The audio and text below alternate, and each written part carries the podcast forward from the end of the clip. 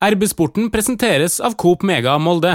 VG hadde vel dommerbørs inntil i fjor, hvis jeg ikke tar helt feil. Stemmer det. Og nå har vel de også da, slutta med sin, så da er det ingen plass å evaluere seg sjøl. Men hvis du lurer på om du har vært, gjort det bra eller dårlig, så kan du bare veldig. ringe til en Jan Henrik Innbjørg, så får du, eh, får du vite det. Ja, Du kan få nummeret etterpå. Den er god. Jeg tror jeg har den, faktisk.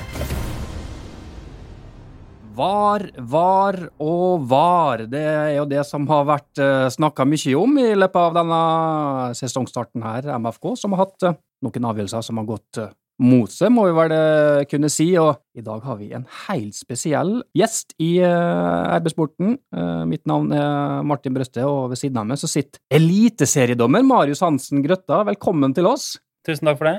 Og du kommer jo da rett fra Tromsø, egentlig, der du var og, dømte kamp eh, på søndag. Det er riktig. Det er mye reising i det yrket her, så her var det 09.20 var flyet på bakken her, og så var det hjem og skifte og rett ned hit. Mannen da som, som mener han kunne vært eh, toppdommer. Sportssjef Trond Hustad, velkommen til det òg. Hei. Jeg vet ikke hvor mye han påstått det. Det begynner å bli noen år siden jeg tok rekruttdommerkurset i 1987, tror jeg. Vi skal mer innom eh, dommeryrket, var og forskjellig, men vi må ta to ord om eh, Molde sin storseier over HamKam. Det ble jo voldsomt til slutt, dette her, eh, Trond. 4-0. Veldig betryggende eh, å se at eh, MFK fortsetter eh, å følge opp etter Ålesund-kampen med en kontrollert og sterk og fortjent eh, borteseier mot en eh, alltid en sånn litt sånn ekkel motstander, og eh, ikke det beste underlaget for MFK sin type fotball. Nå er det vel 7-0 og seks poeng på, på to kamper, så da er det jo lov å håpe at dette her har snudd. Du dømte jo sjøl kamp i går, Marius, men du har vel sett litt av disse skåringene til, til Molde? Det har gjort. Det var en fantastisk frispark av, av Eikrem, og så var det også en fantastisk avgjørelse av eh, dommerne, som eh, traff på et, et rødt kort. Ja, for det var rett og slett ingen VAR-avgjørelser på Briskeby i går. Nei, det var ikke det. Det er jo det vi ønsker, at eh, VAR ikke skal gripe inn. Eh, fordi at vi treffer på avgjørelsen på banen, så det, det gjorde de jo i går, så veldig bra. Eneste med dommeren i går var at han måtte stoppe litt og knytte skoa. Ja, det kan hende, det, ja. Det, Men uh, som du sier, Trond, kontrollert. Uh, ikke noe fyrverkeri, men uh, det blir jo til slutt 4-0, og det er jo rimelig solid på bortebane. Ja, og det viktigste fundamentet i en sånn kamp, når du eh, er favoritt og du må egentlig ha tre poeng eh, hver gang nå, det er jo å framstå på den måten som Molde gjør, eh, balansen da, og alt. Det å kontrollere kampen, som det har vært så mye snakk om. Og der syns jeg at hele laget som kollektiv er forberedt på motstanderen. Og sjøl om det blir pumpa selvfølgelig en god del eh, langballer, frispark og, og innlegg og sånn inn foran mål, så er de flinke til å rydde unna der også. Og da sitter du nå med en sånn liten følelse av at eh, før eller senere så kommer eh, Molde sin eh, hva vi skal kalle det for spisskompetanse til å finne hull og muligheter til å avgjøre den kampen her, skåre noen mål. Det er jo nettopp det som skjer da, en gang i, i første omgang og, og tre ganger etter pause. Til slutt, Trond, si noen ord om maestroen Magnus Wolff Eikrem. Hvis du ser de 57 minutter han er på banen under ett, så er det jo ikke en voldsomt fantastisk eh, prestasjon sånn vedvarende gjennom den lille timen der. Han har jo vært eh, bedre enn dette her, sånn all over i kamper mange ganger før. Men de øyeblikkene, de små løpene, de blikkene, han ser rommet, han går dit, han gjør det med ballen. Han, han venter eh, til det riktige millisekundet og slår den pasninga på centimeteren, liksom der veldig mange andre ikke klarer å utføre det på samme måten som han. Så det, er en- det er jo en unison enighet overalt, hører du nå i eksperter, TV-studio, aviser, at dette der er den, den smarteste og den beste eh, spilleren i Eliteserien, som, som vi har påstått i mange år. Ja, nesten for smart for, for dommerne òg til tider? At, at det kan være litt vanskelig å henge med på alle disse pasningene han kommer med, osv.? Ja, altså det er jo noe med det at jo, jo fortere det går, og jo mer teknisk begava spillerne er, så jo, jo mer repertoar har de, og, og jo vanskelig kan det være å, å forutse hva er det neste som skjer. For det er ofte det vi tenker som dommere. altså Hva er neste trekk? Er det innlegg? Er det pasning inn i 16-meteren, eller er det pasning bakover? Det, det er noe som vi må tenke over da, i forhold til plassering, i forhold til hva vi skal gjøre neste. Hverdagen da, som toppdommer i Eliteserien, eh, si litt om den. Ja, det er jo full fart. Det, det er jobb eh, både på kretskontoret nede på, i fotballkretsen her, det er som lærer opp på idrettsfag på Romsdal, og så er det som toppdommer, og så er det tobarnsfar i tillegg, og samboer. Ja, hvordan har du tida til alt dette? Altså, Så lenge det, det, gir energi, så lenge man trives med dette her, så, og det gir mer enn det tar, så, så går dette veldig fint. Men uh, optimalt sett så skulle man jo hatt en, en litt mer tilpassa hverdag for å kunne være, leve som toppidrettsutøver. da, optimalt. Ja, for det er jo rett og slett toppidrett dere driver med. Hva type krav er det? testes jo to ganger i året i forhold til sprint, repetert sprint, og så har vi en, noen intervaller vi skal komme oss gjennom. og, og Du må trene for å komme gjennom det, men de fleste av oss skal jo klare dette her med god margin.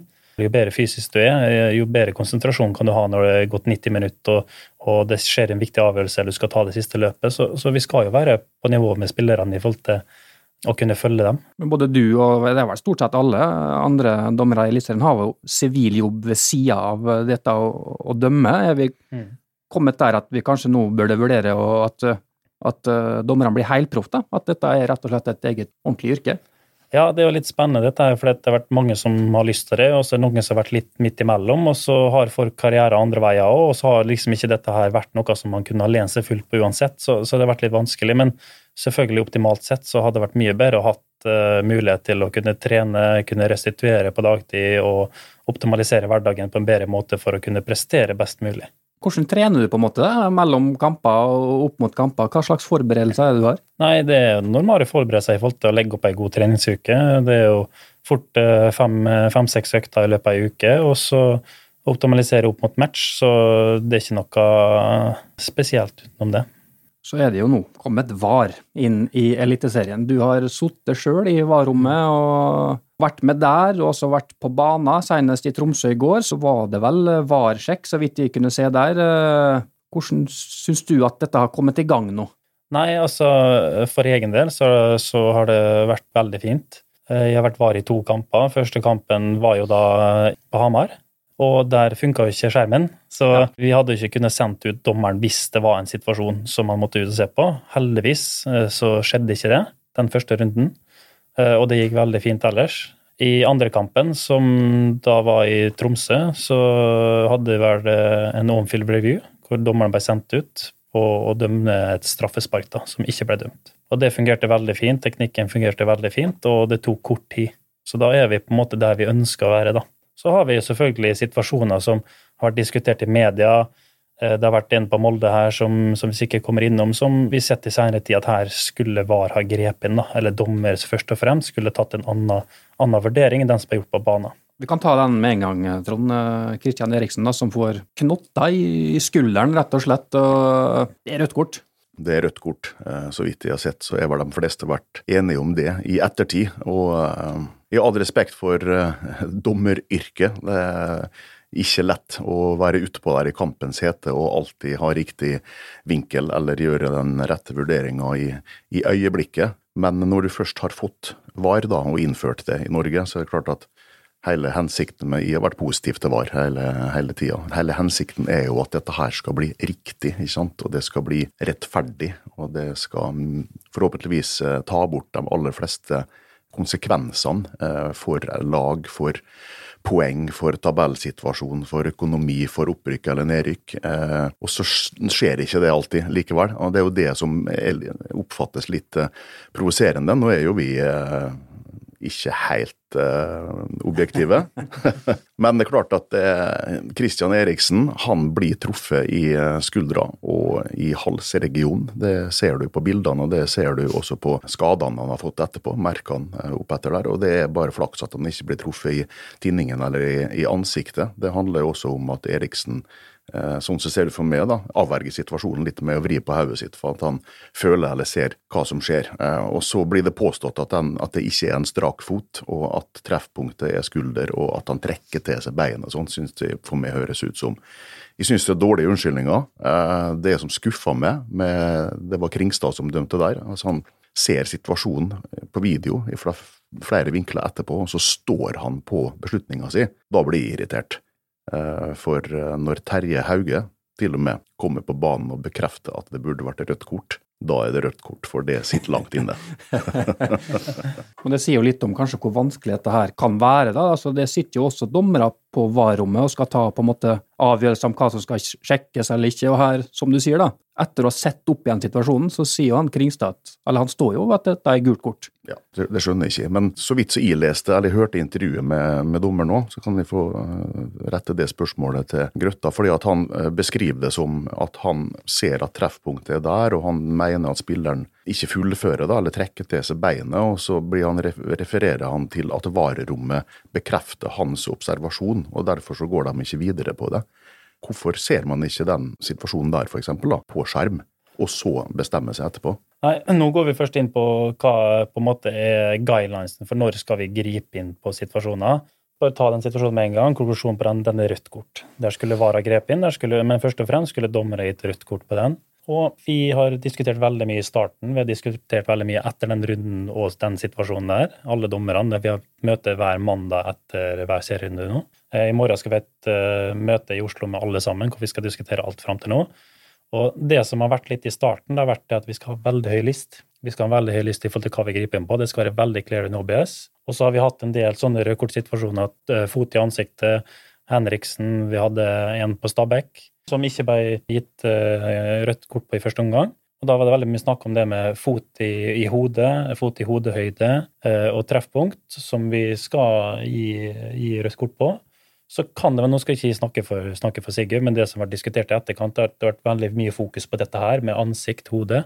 Og så får vi treffpunkt i skulder og en bøyd fot, og så kanskje har det gjort at man har tenkt familien at ok, her kan vi støtte dommer. Selv om det er noe som, som vi etterpå nå har sett at det som handler med å beskytte spillerne, her må vi passe på hvor høyt man går opp på lista. For det er en, det er en viktig del av, av, fotballen å beskytte spillerne, eh, og det står også i årets retningslinjer. Så, så, det har vi på en måte diskutert mye og, og enes om at her må vi stramme inn litt i forhold til vurderingene på banen, men også, også hvordan vi vurderer dette i etterkant av å sette. Og bare sånn For ordens skyld, så, så var VAR inne her og hadde en dialog med, med Kringstad, sånn jeg forsto det? Ja, og det er naturlig i forhold til ok, hva, hva er din vurdering? Det vil jo dommer spille inn automatisk eh, i en sånn situasjon. At ok, jeg ser eh, treffpunkt på skulder, men for meg så er det bøyd fot, f.eks., kan det være.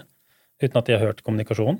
Eh, og så vil jo VAR ta sin vurdering ut ifra det. Da. Og det kan være at i starten at vi har hatt for mye sånn fokus på ok, man skal man supporte eller støtte dommerne, istedenfor å finne ok, dette her utsetter motstander for fare.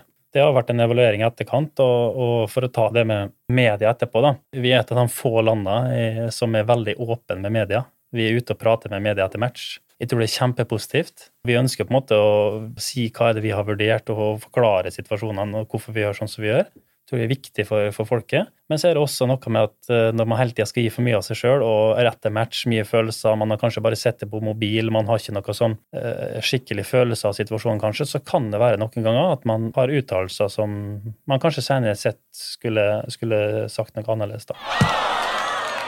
Hei, Hilde her, fra Coop Mega Molde. Kom innom og se vårt store, brede utvalg av mat fra lokale produsenter. Vi har også gavepakker til den som har alt. Velkommen til Coop Mega Molde!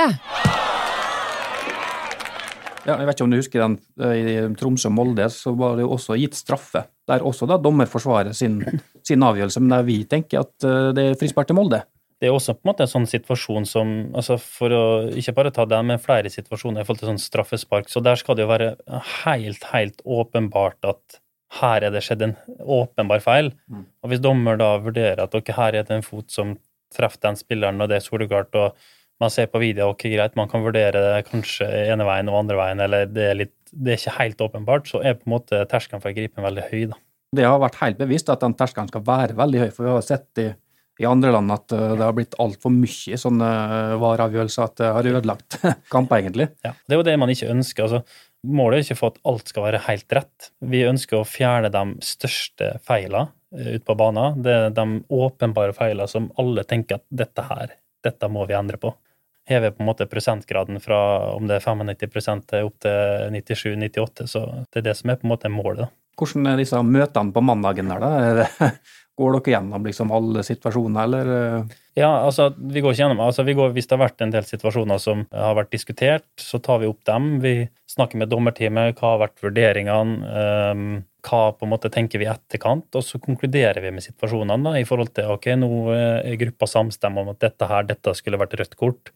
Her har vi disse momenter. Det er treffpunkt i skulder, det er høy fot, og det utsetter motstanderen for fare. Sånn at vi blir unisont på en måte mer uniformert i forhold til neste runde. Si litt om dette VAR-rommet. på Holbergsplass. Alle kamper i Eliteserien tas egentlig derfra da, når det kommer til VAR. Ja. På en full runde så sitter jo veldig mange folk der, da, og bare si litt om Ja. hvordan det er der. Ja, det, heldigvis er det i toppetasjen, så det er vanskelig å banke på vinduet og, og rope inn. Det er et par som har spurt om det, noen som har møtt opp utafor. Men nei, det er lagt opp til stasjoner sånn at vi kan kjøre alle kampene. For vi vet jo sånn, de siste rundene så blir alle kampene samtidig, så da er det jo eh, potensielt eh, sant? Du har en VAR, du har en AVAR, og så har vi en tekniker som sitter og styrer bildene. Så vi er jo tre stykker på hver stasjon. Og sånn som i går, da, hvor du har seks kamper samtidig klokka fem, så er det jo seks ganger tre stykker. Og så har du dem til teamet som kommer klokka kvart over sju, skal ha kampen der òg. I tillegg så er det jo, produseres jo all fotballen oppå der i naborommet til Eliteserien, Obos-ligaen og alt mulig, sånn at det er veldig mye folk der. Og, men det er veldig profesjonelt. Det er blitt ordna kjempebra, så absolutt veldig positivt. Det er ikke sånn at hvis det er en vanskelig avgjørelse, at du liksom kan kikke bak og dø. Dommen som ser på en annen kamp, kan ikke du kikke litt på den her? Kanskje, kanskje det vi skal begynne å gjøre. Altså, Man er jo så i loopen og så i fokus, og vi sitter jo med headset og inn i sona inn i matchen. og Det er jo glassvegger, og det sitter jo andre team som sitter fullt inn i sin verden. og, og det er veldig vanskelig å følge med hva det andre gjør. for å si det sånn.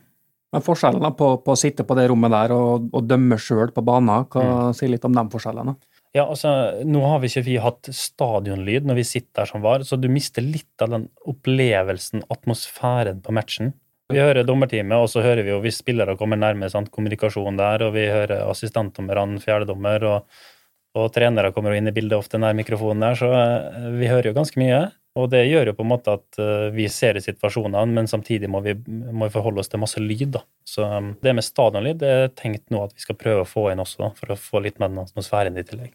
Så har du vært eh, hoveddommer i Eliteserien, VAR-dommer, og så har du vært fjerdedommer. Det tenker jeg, det må være en forferdelig oppgave. Å stå mellom benkene der og bare få all mulig drit. Ja, Det spørs hvor det står hen. Nei. Ja, altså, det kan være både òg. Nå har jo jeg um, vært veldig mye fjerdedommer her nede på. Må jo skryte litt, da. Teamet nedpå her, det har vært eh, sjelden det har vært eh, store problemer og, og veldig fair og fin gjeng, og det er det flere andre plasser òg.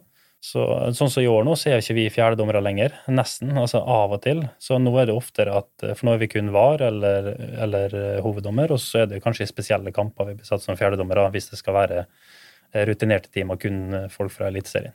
Du har vært fjerdedommer her på stadion, eh, men aldri dømt kamper. Er, er det rett og slett sånn at du ikke kan dømme MFK? Altså, du, har jo, du kommer fra byen, du har faktisk også eh, vel spilt i MFK.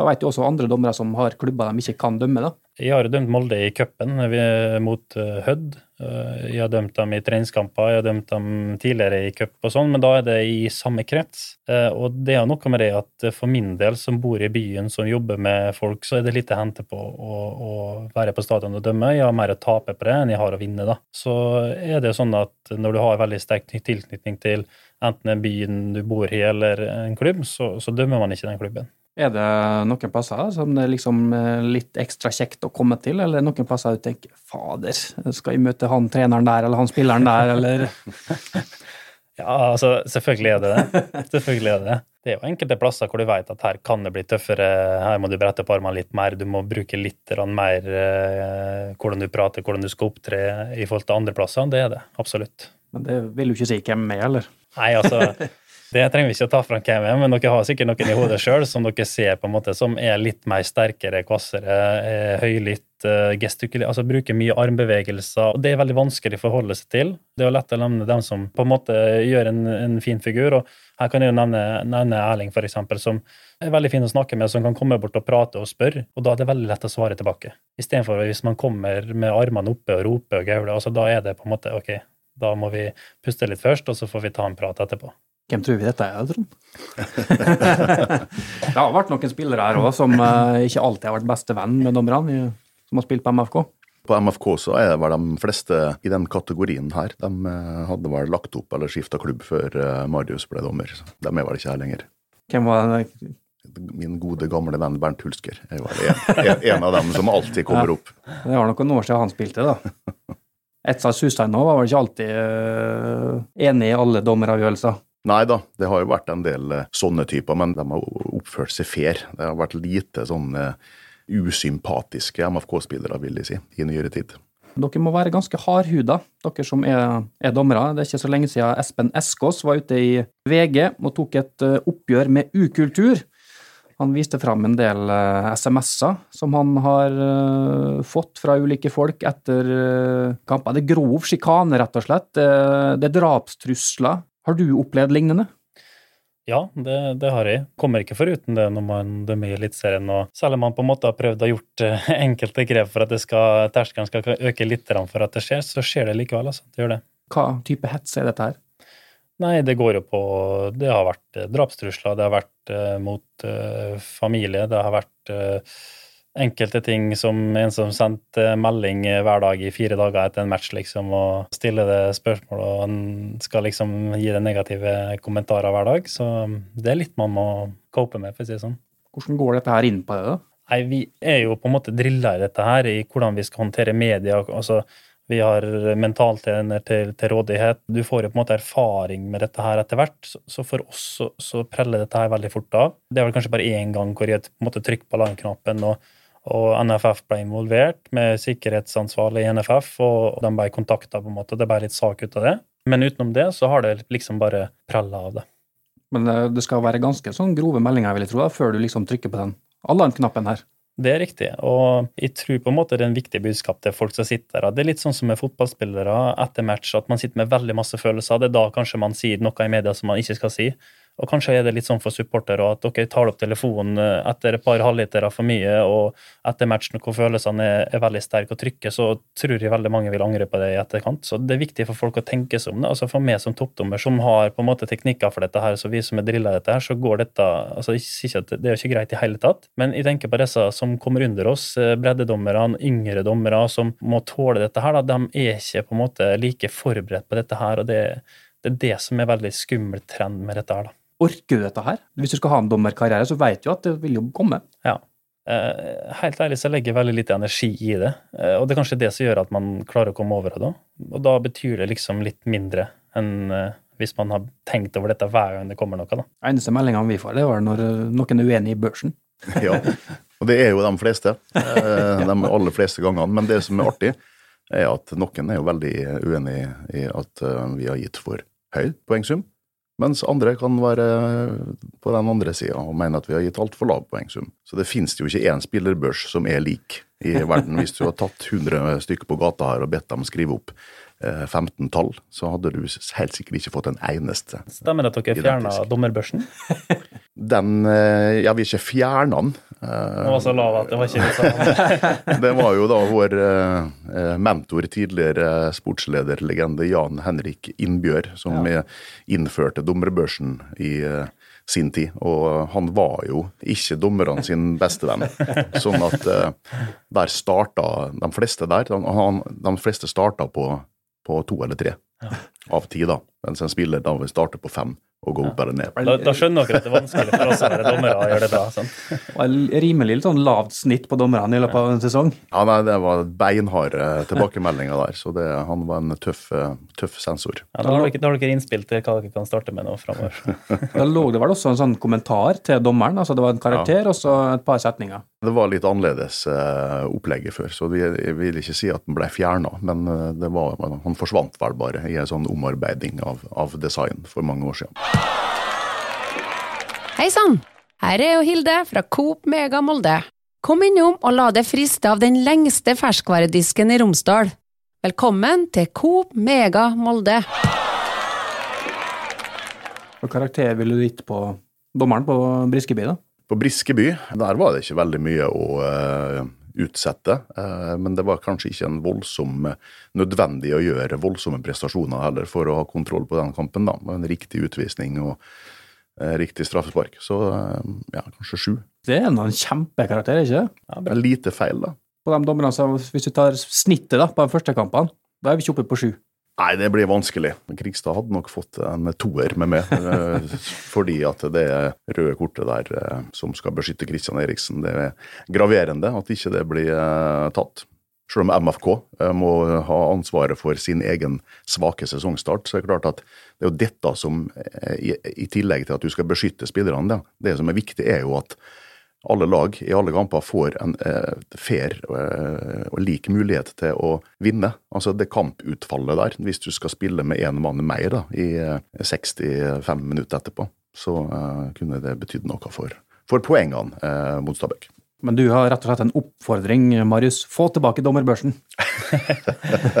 Altså, det er jo litt artig å lese av og til. Altså, men eller egentlig så er det ikke så artig, for ofte så er det ganske strenge børser. det er jo det. Så, altså, vi sånn, Når vi ikke blir lagt merke til, okay, da er man helt gjennomsnittet. Og, og har man gjort noe dårlig, så er det, da er det ekstremt, ekstremt lavt. Da. Men nei, det er artig det å lese litt. Kanskje dere kan sette standarden litt, litt høyere. at Hvis vi begynner på sju, så kan vi gå ned derfra, så kan det bli bra, dette. Det er jo litt som keeperne nå klager jo på at det er vanskelig for dem å få gode karakterer. Ja, ja. Litt samme der. De må, det er fort gjort å trekke dem litt ned.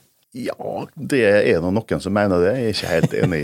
Hvis du går gjennom eh, totalbørsen på eh, RB-nett eh, de siste åra, så vil du nok se at eh, både Karlstrøm i, i fjor, ikke minst Andreas Linde, har ligget veldig høyt oppe i toppen, eh, faktisk, på sånn to, tre, fire. VG hadde vel dommerbørs inntil i fjor, hvis jeg ikke tar helt feil. Stemmer det. Men nå har vel de også slutta med, med sin, så da er det ingen plass å, Nei, å evaluere seg sjøl. Men hvis du lurer på om du har vært, gjort det bra eller dårlig, så Stemmer, kan du bare ringe til Jan Henrik Innbjørg, så får du, eh, får du vite det. Ja, Du kan få nummeret etterpå. Den er god. Jeg tror jeg har det, faktisk. Du nevnte jo så vidt dette med mental eh, trening. Det er jo en del fotballspillere som har åpent prata om at de benytter seg av det mellom kampene, og jeg føler det blir mer og mer av det, egentlig. Men eh, er det noe som dere bruker aktivt? Ja, vi har jo vi har en mentaltrener, eh, som er med på en måte i den altså toppgruppa vår, Fifa-dommerne som følger dem, som jobber mer aktivt med den nummer én og nummer to som vi har i Norge, Espen og Rohit spesielt. Eh, Så det er på en måte et verktøy som blir brukt, og så har vi hatt felles leksjoner med ulike temaer også, som vi har jobba med. Så er det jo på en måte de veilederne vi har også, som vi bruker, og som kan hjelpe oss i forhold til innspill, eh, hva tanker vi har når ting skjer, i etterkant drøfte. Men så er vi veldig flinke dommerne sjøl å snakke med hverandre i forhold til etter situasjonen har oppstått, det har vært kanskje mye i media eller vært noe annet, altså hvordan vi håndterer dette her, da. Eh, Og så er det veldig mye psykologisk som skjer underveis i kampen òg. Og der har jo VAR vært eh, fantastisk nå i starten eh, å ha på øret. For eh, uten VAR så kan det være en situasjon sånn du hører publikum, alle forventer oi, her er det straffespark, eller her er det en hands. Og så feier den unna, og så er du kanskje litt usikker. Reaksjonene tilsier at «Hm, her er det kanskje noe. Men så får du en bekreftelse på øret at veldig bra, Marius, den treffer ikke hånda helt riktig. Da får du veldig god selvtillit, og det spiller veldig inn på det som kampleder. Og når du skal videre prestere da, og klare å kvitte deg med den usikkerheten kanskje du har hatt et lite sekund. da. For det er jo ikke snakka så mye, egentlig, når det kommer til VAR. da, altså De griper inn når det tar feil, men Mm. da får de også feedback at dette her er faktisk riktig. Ja. Og det har vært litt sånn, når vi har fått VAR nå, så har vi faktisk eh, ikke for å skryte av dommen, men man får mye tilbakemeldinger på hvor mye bra man faktisk gjør. da. For man tar rundt 200-300 avgjørelser i løpet av en fotballmatch, og det er ganske mange. Og ja, man kan bomme på et innkast, ja, man kan bomme på en corner, men den, altså de viktigste avgjørelsene, det er der vi må treffe. Og ja, det blir feil ja, iblant òg, men det blir også truffet veldig mange gode beslutninger. da. Så det har vært veldig positivt med VAR. Du må si litt om eh, veien din til å bli toppdommer, eh, Marius. Du spilte jo sjøl, som vi var inne på. Hvordan ble du dommer? Ja, jeg spilte jo aktivt sjøl, og jeg tror det var sånn at hele laget eh, på guttelaget skulle ta eh, rekuttommerkurs. Og så var det vel i og et par til som ble med videre, og så ble det bare i og én til igjen, Carl Fredrik eh, eh, Røssok. Og så fortsatte vi, og så liker jo Stig Arild Råket da, nede på kretskontoret å tro at han var den som, som fikk karrieren min til å stige. For eh, vi hadde ei keepertrening, og da kasta han ballen litt høyt, og der gikk skuldra mi ut av ledd. Så da begynte jo på en måte mm, dommerbiten å bli mer og mer viktig. Det ble mindre fotballspilling. Og så skøyt jo fart etter hvert man, man på en måte eh, ble oppdaga her i kretsen, ble fulgt opp eh, av dem som er i området her.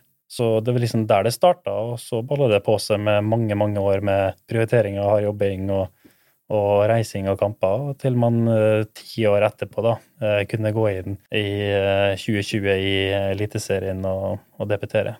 Tror jeg intervjua det etter debuten din. Det var ikke det en rivalkamp, eller? Det kan hende, det kan hende ja. Rival Ernesvågen eller noe. Jeg husker det var jo en rimelig tøff debut, i hvert fall. Både med noen utvisninger og veldig mye kjeftbruk og greier. Ja, ja, du- det, det stemmer det. Det var, det var rødkortet til en Kjetil Hoem, eh, kjent figur i lokalfotballen. Og, Riktig. Keeper. ja, ja, det, har- det har vi flirt om i etterkant òg, men da Også Kjetil Hoem var faktisk ikke helt enig, Nei, merkelig nok. Har nok en gang vært enig.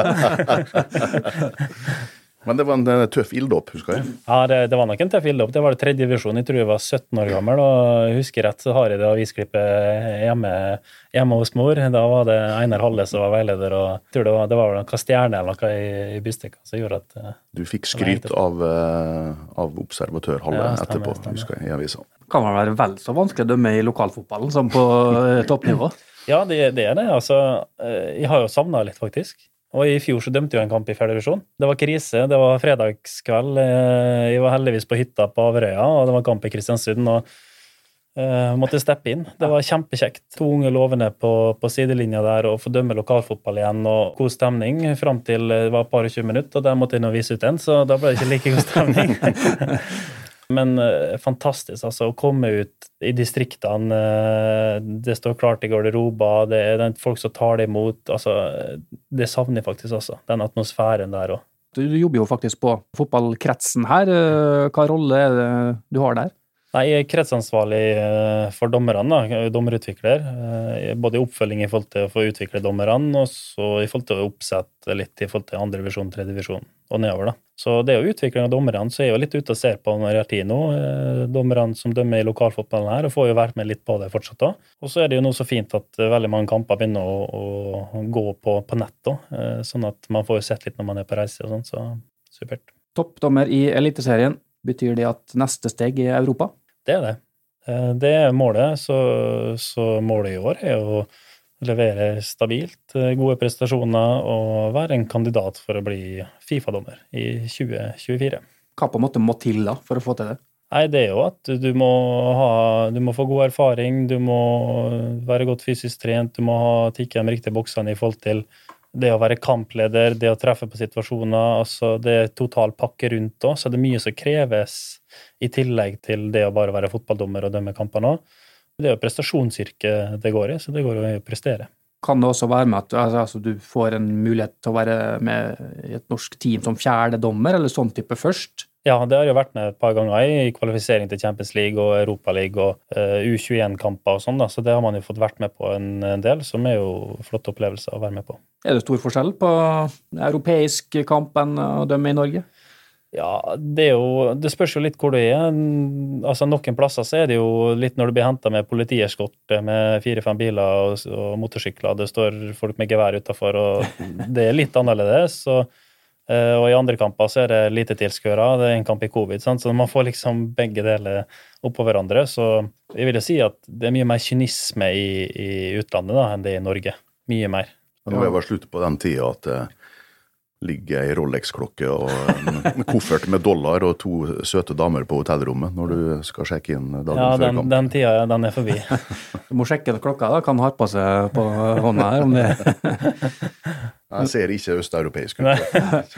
Men eh, du og Trond har jo vært på en del sånne europacupturer. Det er litt forskjell. Jeg husker blant annet i- når vi skulle på stadion i St. Er- Petersburg. Nå er jeg spent på hva som kommer, men Ja, der var det en rimelig eh, ordentlig sjekk før vi fikk komme inn på stadion der. Ja, det var det, det var det mest fascinerende vi har vært med på. Det var eh, omtrent som at du skulle inn på et eller annet kontor med den amerikanske presidenten. Altså. Du var gjennom eh, tre-fire sånne sjekkpunkt med eh, politifolk og soldater og eh, teknisk utstyr og stripping og sjekk av alt. Det var jo mediesjef og arrangementssjef Per Lianes i findressen sin med eh, sånn europaemblem og greier. Han ble jo eh, stoppa, tatt til sides, og fikk jo ikke komme inn. Husker du hvorfor? Han, ikke, han var tom for batteri på PC-en, Ja. for du måtte da vise Du måtte trykke starte PC-en og vise at dette var en PC, og ikke noe annet. Riktig. Og Tore Monsen skulle henge opp draktene, han måtte også vente, så han var jo rasende. Dette her var jo full krise. Og nei, Det var noen store svetteflekker på disse her lyseblå MFK-skjortene der.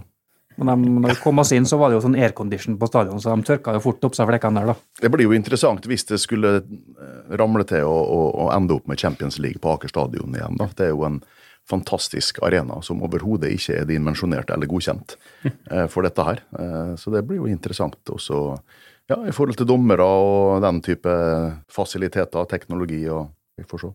Har du et dommerforbilde? Ja, altså man har jo alltid hatt uh, forbilder. Altså, nå har vi jo på en måte dem som har dømt i, i Champions League og vært høyt oppe hele tida. Altså, vi har Bjørn Kuipers på en måte som har gitt seg noe, som sitter i, i dommerkomiteen i Uefa. Vi har mange andre store stjerner. Så det er på en måte ulike rollefigurer man ser opp til. Som, og, og, da ser man jo også hvor forskjellige alle sammen er.